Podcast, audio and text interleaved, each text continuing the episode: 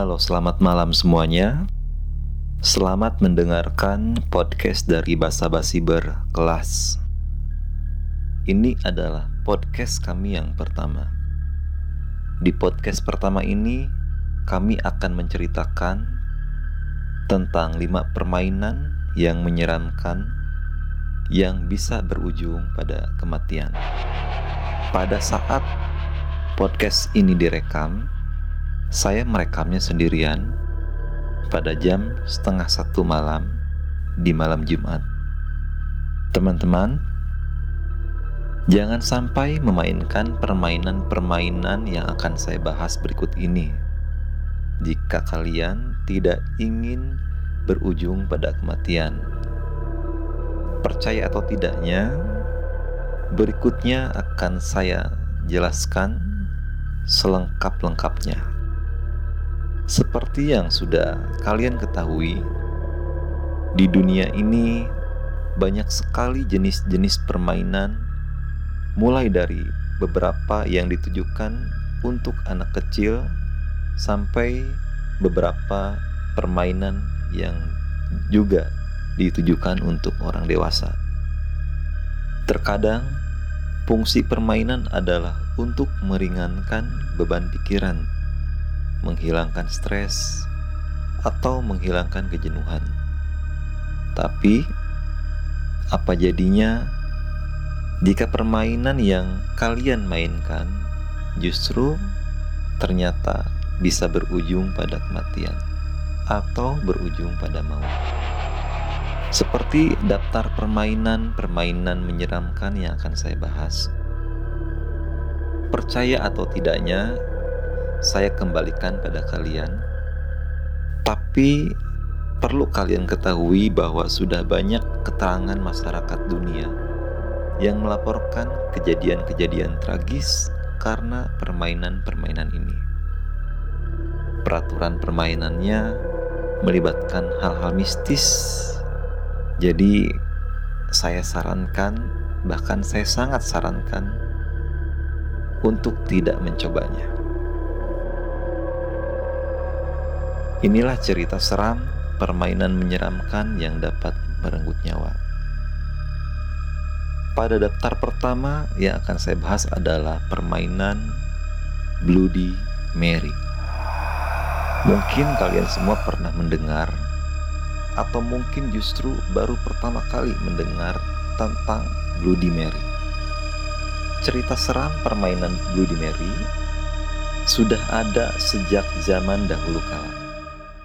Berbeda dengan ritual yang dijalankan sekarang, orang-orang zaman dulu tidak menatap cermin dalam ruangan gelap untuk mendatangkan Bloody Mary. Malahan ritual ini dilakukan oleh para wanita lajang biasanya yang penasaran atas wajah calon suami mereka di masa depan.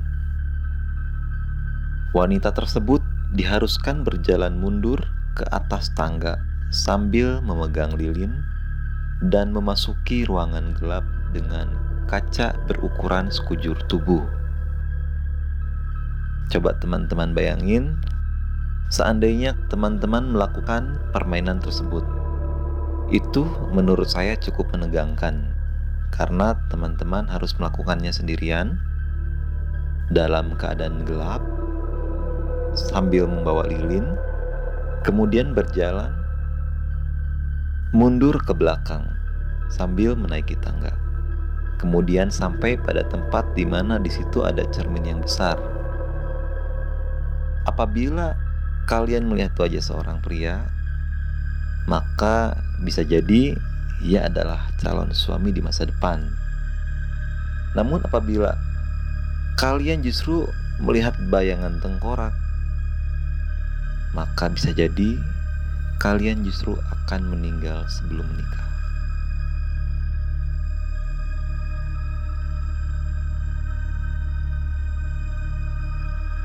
Permainan Bloody Mary dipraktekkan sebagai tantangan di kalangan anak-anak muda, terutama di dunia barat. Mereka akan mengunci diri sendiri di kamar mandi yang gelap lalu menyerukan kata Bloody Mary sebanyak tiga kali. Apabila berhasil, sesosok wanita dengan wajah hancur akan keluar dari kaca dan menghantui si penantang hingga pagi menjelang. Pernah diliput koran The Sun di Inggris, seorang ibu asal Essex pernah mengaku kehilangan anak laki-lakinya karena permainan Bloody Mary. Sang anak yang ditantang oleh ketiga temannya meninggal dengan luka cakaran di leher, perut, dan kondisi kedua mata yang sudah dicabut dari tengkoraknya. Setelah mendengar cerita seram di atas, kamu masih mau bermain Bloody Mary? Atau justru hanya sekedar penasaran aja? Dan sekali lagi, saya sarankan supaya kalian tidak pernah sekali-kali mencobanya. Bahkan jika pun kalian adalah salah satu orang pemberani untuk menguji nyali. Itu adalah cerita tentang permainan Bloody Mary.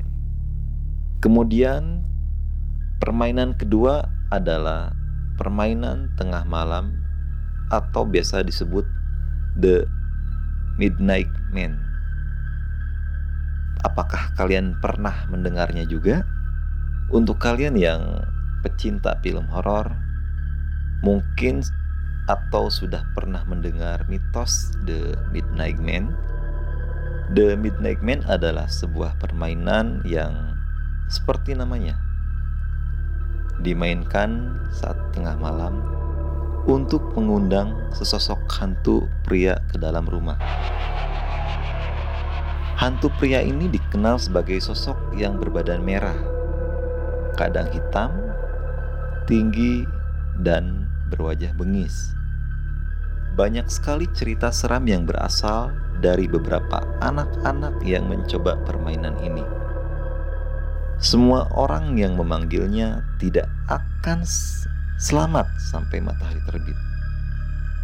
Walaupun mereka akan dihantui seumur hidup. Jadi ibarat buah si malakama, teman-teman. Kalian mati atau kalian akan tersiksa seumur hidup karena terus dihantui. Jadi permainan kedua ini pun saya sarankan tidak untuk dicoba. Oke, lanjut permainan The Midnight uh, maksud saya adalah permainan The Midnight Man berasal dari ritual pagan pada zaman dahulu. Orang-orang dengan kepercayaan paganisme menggunakan ritual ini sebagai hukuman untuk para kriminal yang melanggar aturan para dewa. Kituh katanya. Permainan sebenarnya cukup sederhana. Hanya saja peraturannya yang terbilang cukup rumit. Orang-orang yang terlihat harus meneteskan darahnya pada selembar kertas yang sudah diisi dengan nama sesuai anggota yang terlibat.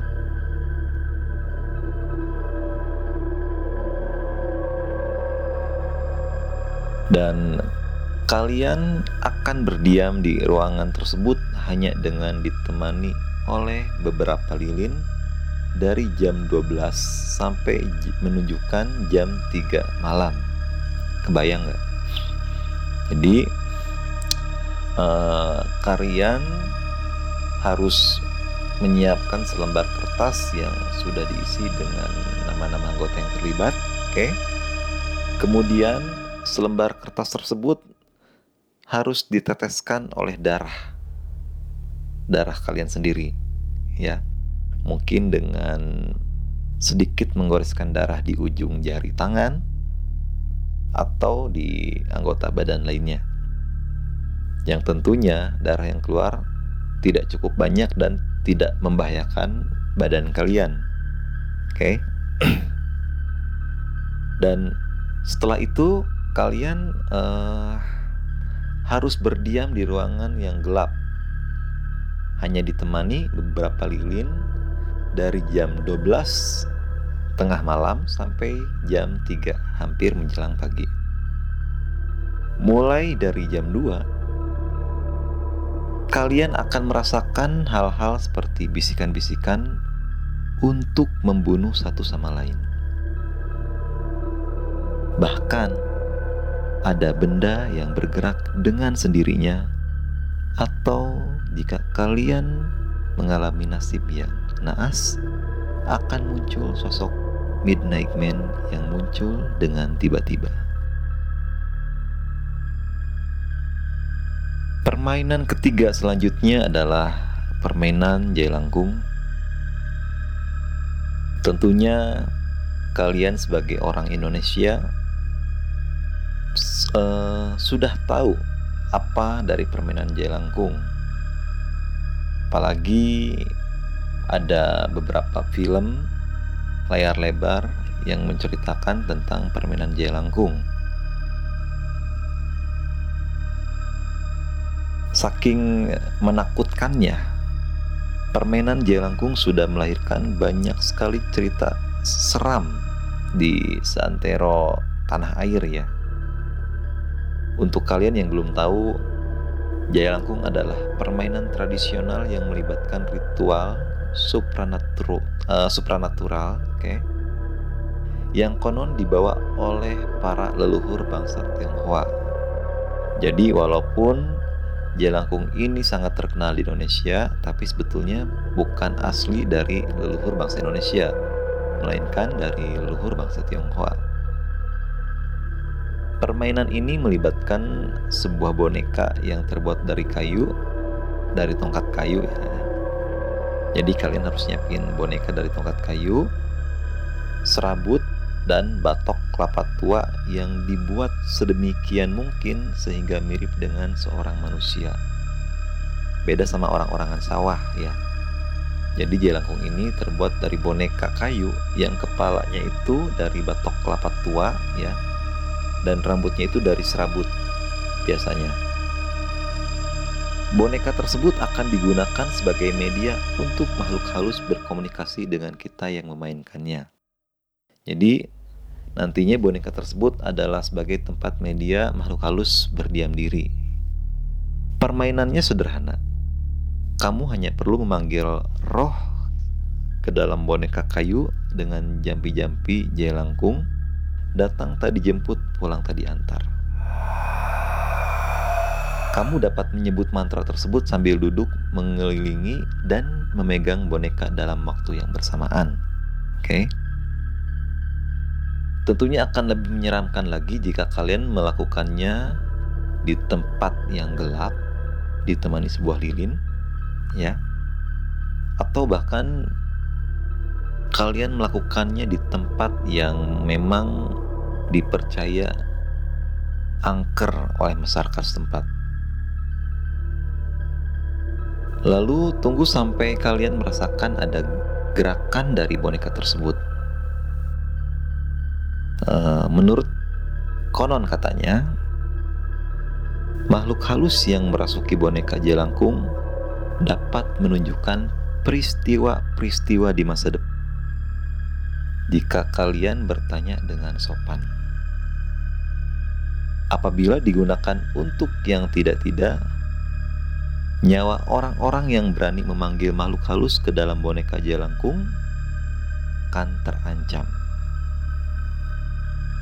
Kamu bisa dihantui untuk selamanya, terkadang bisa berakhir dengan kematian yang tragis. Jadi, saya sarankan tidak untuk dicoba. Podcast dari Basa Basi Berkelas ini hanya sebagai informasi tentang dunia mistis yang mungkin banyak di luar sana yang belum kita ketahui. Tujuannya hanya sekedar untuk pengetahuan, bukan untuk dicoba. Yang keempat adalah petak umpet bersama boneka Jepang. Permainan menyeramkan yang satu ini memiliki sejarah yang sangat kelam.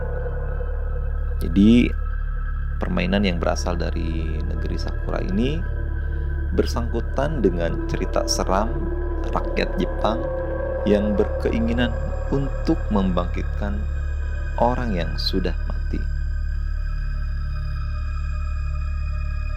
Ilmu yang dianut bernama Necromancy.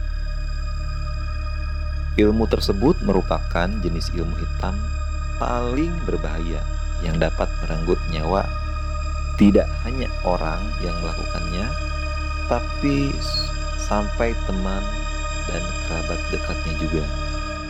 Jadi, jika kalian berani-berani memainkan permainan ini, kalian bukan hanya membahayakan diri kalian, tapi kalian juga membahayakan diri keluarga kalian.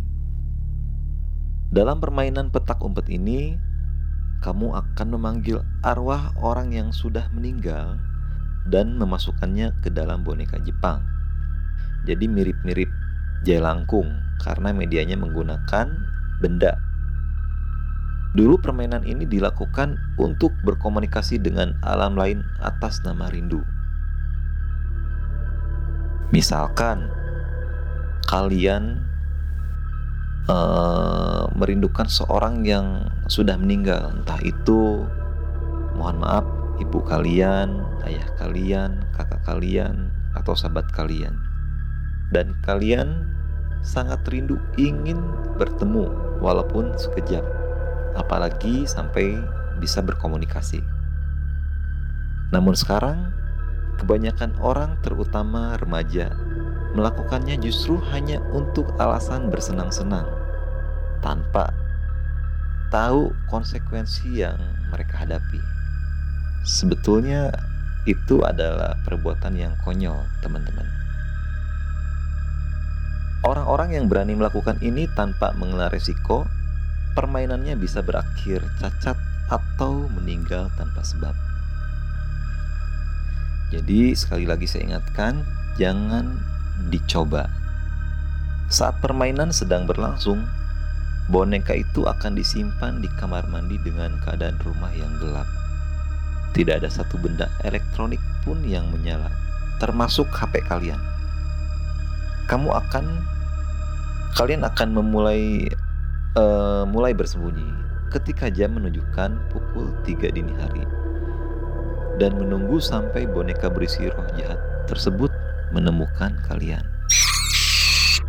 Apabila kamu beruntung, kamu bisa hidup sampai jarum panjang melebihi angka 4. Jika tidak,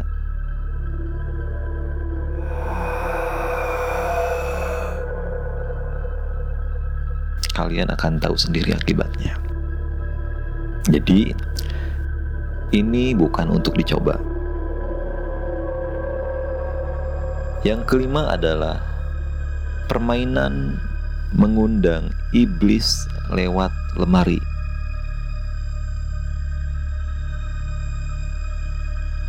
Permainan berikut dinamakan The Closet Game. Permainan menyeramkan ini uh, dulu sempat trending di awal tahun Saking viralnya dulu, permainan ini hampir dilakukan oleh semua YouTuber dunia dan sempat masuk ke dalam daftar Most Amazing Top 10 YouTube beberapa bulan yang lalu ya kalau nggak salah. Dari beberapa kalangan yang mencoba permainan berbahaya ini, banyak juga uh, netizen yang mencibir kenekatan para youtuber tersebut karena mencontohkan sikap yang ceroboh untuk para subscribe-nya. Kenapa tidak? Karena alasannya, closet game ini merupakan permainan menyeramkan yang paling mudah dilakukan di antara game-game menyeramkan lainnya yang sudah saya jelaskan uh, tadi ya. Permainan ini hanya memerlukan sebuah korek api, lemari, dan seonggak keberanian kalian. Korek api harganya murah, lemari siapa yang tidak punya lemari? Semua orang pasti hampir punya lemari di rumahnya. Tapi walaupun modalnya sangat sederhana, dibilang sangat murah, justru konsekuensinya yang sangat besar, teman-teman. Sosok yang kamu undang ke dalam lemari bukan sembarangan makhluk, tapi justru iblis yang akan menggeretmu langsung ke neraka. Kalian akan dibawa ke alamnya, bahkan ke kampung ke kampung halamannya ya, di neraka. Itulah mengapa semua orang yang akan memainkan permainan ini selalu diwanti-wanti untuk mengikuti peraturannya. Kalian harus mengikuti aturan seakurat mungkin jika tidak mau mati atau dibawa langsung oleh sosok iblis tersebut. Nah, teman-teman, itulah tadi lima permainan menyeramkan yang saya jelaskan pada malam hari ini. Mulai dari Bloody Mary, yang keduanya ada The Midnight Man, yang ketiganya Jaya Langkung, yang keempatnya bermain petak umpet bersama boneka Jepang, dan yang kelimanya adalah mengundang iblis lewat lemari. Oke teman-teman, jangan lupa subscribe uh, channel YouTube kami juga, Basa Basi Berkelas. Oke, kemudian follow juga Instagram kami basa-basi berkelas karena di sana banyak sekali konten fenomena misteri dan fakta menarik yang bisa kalian jadikan bahan pembelajaran. Oke, sekian dari saya. Terima kasih, sampai jumpa di podcast selanjutnya.